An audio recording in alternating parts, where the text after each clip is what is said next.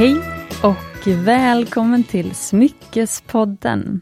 Det här är podden där vi pratar om äkta smycken och ädelstenar på ett enkelt sätt och bryter normer som präglat en annars ganska strikt bransch.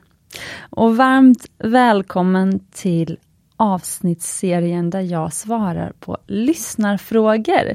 Jag kommer svara bara på en fråga per avsnitt. Det kommer vara ganska korta avsnitt, ungefär 15-20 minuter. Och det här gör jag för att jag har min dotter på inskolning på dagis. Jag bor långt ute på landet och eftersom min kille börjar nytt jobb nu, jätteroligt, och han ska få fokusera på det, så har vi sagt att jag tar hela inskolningen. Men därför så kan jag inte åka in till stan. Eh, jag har en bit till stan och podda de här veckorna. Så nu sitter jag här när jag spelar in, så är det i eh, mitten, slutet på juli.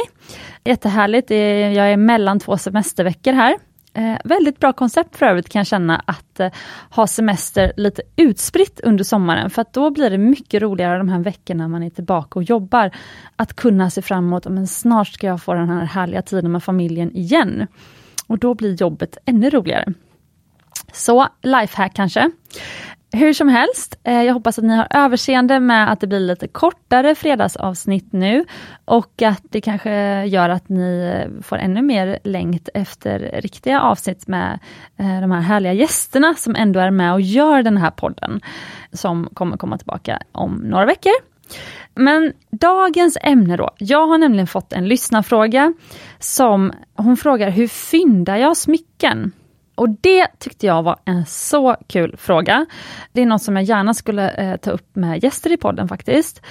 Och jag har självklart lite tankar här som jag tänkte jag kan dela med er. Då är det ju fokus på äkta smycken i den här podden. Äkta smycken är ju de smycken som är gjorda utav finmetall, alltså ädelmetall. Och det har man sagt i Sverige är guld, silver, platina och eh, palladium också förstås och med ädla stenar. Det är alltså inte smycken av eh, plast eller mässing eller glas eller eh, ja, andra oädla material så att säga. Men det som är grejen med ädla smycken är ju att de blir ju ofta ganska dyra. Men det är också bland annat därför den här podden finns, för att jag vill sprida kunskap. Jag vill att den kunskap som finns inom vår bransch sprids till fler, så att fler faktiskt vågar investera i äkta smycken. Jag tycker det är, är väldigt tråkigt när jag får meddelanden som säger att eh, de väntar på att eh, någon ska fria till dem för att de ska få bära sin första ring till exempel, alltså äkta ring. Och eh, det tycker jag ju är så tråkigt för att jag tycker att man ska få Eh, köpa äkta smycken till sig själv. Eller i alla fall känna att det är ett alternativ. Så, hur kan man då göra klipp? Och då har jag lite tankar. Och de kommer här. Dels så har jag tänkt att, eller det jag har insett är att, eller så här, vi kanske ska um, definiera att fynda smycken. Och för mig handlar det om, inte nödvändigtvis att prislappen är väldigt billig, men det handlar ju om att i alla fall att de håller sig i värde. Och gärna också att man betalar, att de är värda mer än vad man egentligen betalar. Låt mig förklara. Jag har nämligen märkt att det finns många väldigt duktiga guldsmeder, väldigt duktiga smyckesdesigners, som jobbar i det lilla. De är inte så kända. De är kanske kända inom en viss klick, men de har inte fått det här stora genomslaget. De har inte varit med i eh, massa L-tidningar eller eh, SvD Perfect Guide eller haft sina smycken på någon kändis i Melodifestivalen. Och om man inte liksom är inne i den liksom mediecirkeln, då är man ofta lite av en doldis. Så att det är lite if you know you know, alltså de som vet om dig, de kanske älskar dig. Men de som inte då är djupt inne i det här smyckesträsket, de kanske inte har någon aning. Och med mitt eget smyckesmärke Mumbai Stockholm så upplever jag att eh, smyckesintresserade som jag träffar, de har hört om det. Men de som inte är så smyckesintresserade, de har aldrig hört om det. Så vi har ju nog ganska låg varumärkeskännedom om man säger brett i, bland, i Sverige till exempel. Eh, men bland smyckesintresserade så har kanske ofta Mumbai Stockholm så flimrat förbi, kanske på Instagram eller någon kompis kompis förlovningsring eller ja, någon eller en smyckesintresserad kompis som har flera ringar från oss till exempel. eller sådär. Men vi har ju aldrig varit med i till exempel Melodifestivalen eller det här sommarprogrammet med Tilde eller ja, de här eh, liksom väldigt folkliga programmen. Så att vi är liksom inte ja, vi har inte så hög eh, kännedom bland andra.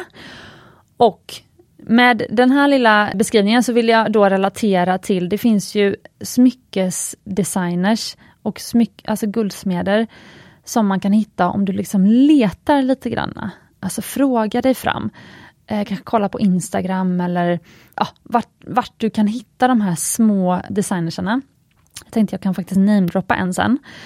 Men där de inte, för de som inte är så stora, de som inte har ett stort varumärke, de är ofta inte så många anställda.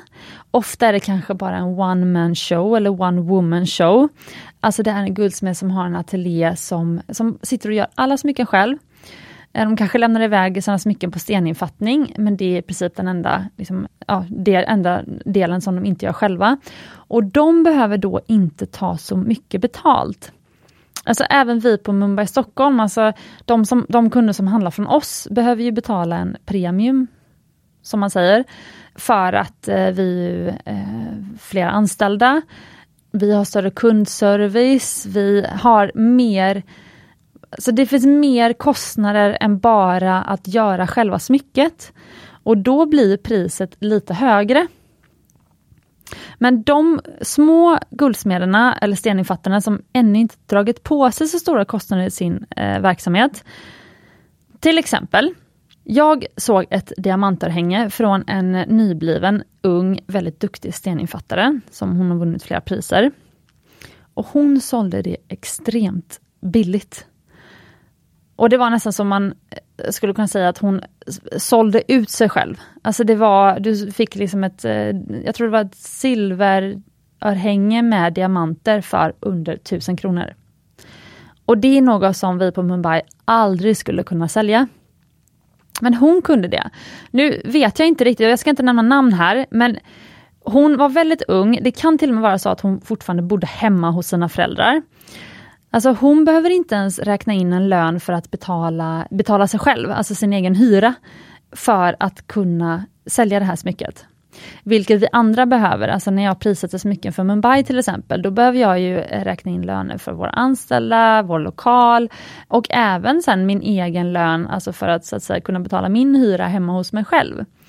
Men om du inte har de här extra kostnaderna eh, och man kanske inte behöver ha så stort lager och så vidare, då kan du ju lägga det på en väldigt billig nivå. Och då har jag tänkt på det att du som lyssnar här, alltså om man vill så att säga göra klipp, så gå till de här, de som är duktiga men, eh, men kanske inte så stora och kända än och kanske inte har liksom så deras prissättning ska jag säga är inte i nivå med, med det de faktiskt ger, det de skulle kunna ta. De skulle kunna dubbla sina priser och jag skulle tycka att det är det priset du ska hålla.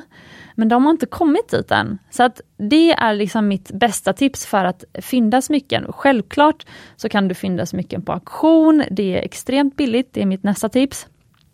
Men jag tycker ändå lite kul att eh, ge ändå det här tipset att så här, om du går till de riktigt små, då kan du få väldigt mycket för pengarna. Men jag ska säga det här. Det kommer alltid med en risk att köpa från eh, nya eller oetablerade eller okända företag. Alltså jag vet själv att jag gör ju mycket bättre smycken, alltså Mumbai Stockholm levererar mycket bättre smycken idag än vi gjorde för nio år sedan när vi startade. Vi hade mycket, mycket mer problem med returer, lagningar och så vidare än vi har idag. Så att det är ju mycket säkrare att köpa från ett ja, men etablerat varumärke där du har eh, många goda kundrecensioner, du kan se att andra har handlat. Vi har haft så pass många ja, kundcase, att vi har etablerat en god eh, ja, sed för hur vi tar hand om ja, reklamationer eller eh, om en kund är missnöjd med någonting. Alltså allt det där som när allt inte går, alltså man vill ju att allt ska gå jättebra, men alla som säljer någonting vet att det händer att eh, ja, kundärenden händer alltid. Och de etablerade företagen med gott renommé, de har ju en process för det. Så man ska bara veta det att de här eh, nyetablerade, det kan ju vara så att, eh, att de inte har samma, samma etablerade service. Så då får man kanske ha överseende med det bara. Ett annat tips för att göra, för att göra fynd är som sagt att fynda på auktion. Alltså det är orimligt billigt att köpa vissa smycken second hand.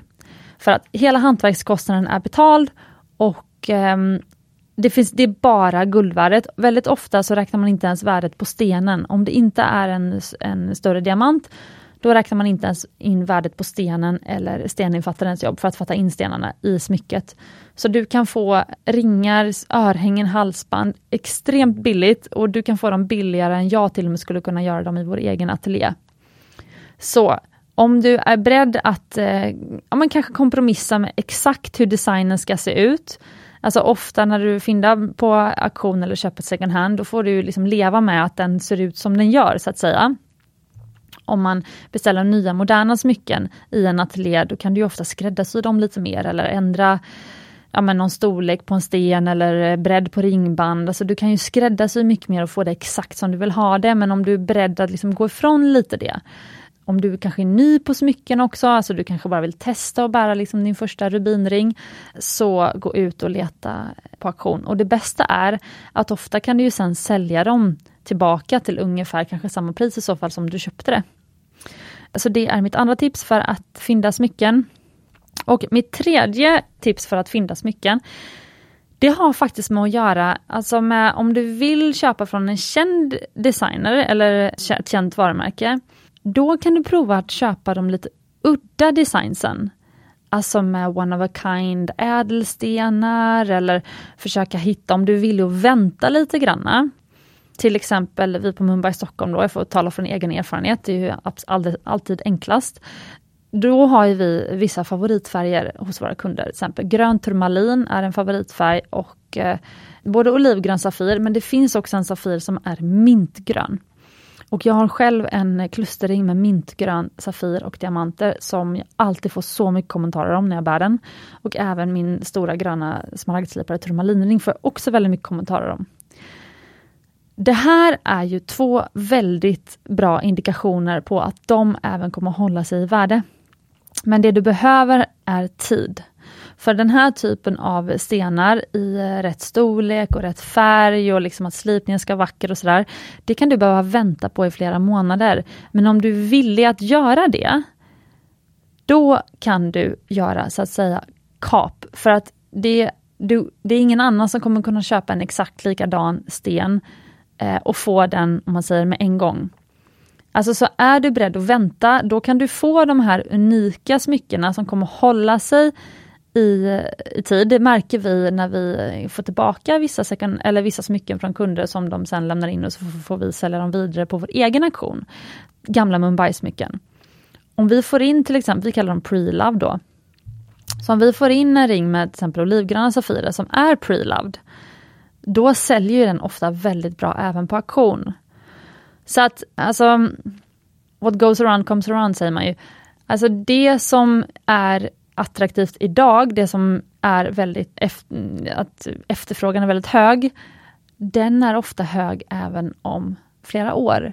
Just i alla fall har jag märkt på ädelstenar, alltså mörkgröna turmaliner har alltid varit populärt hos oss och nu har jag hållit på med ädelstenssmycken i åtta år. Första året använde jag inte ädelstenar alls.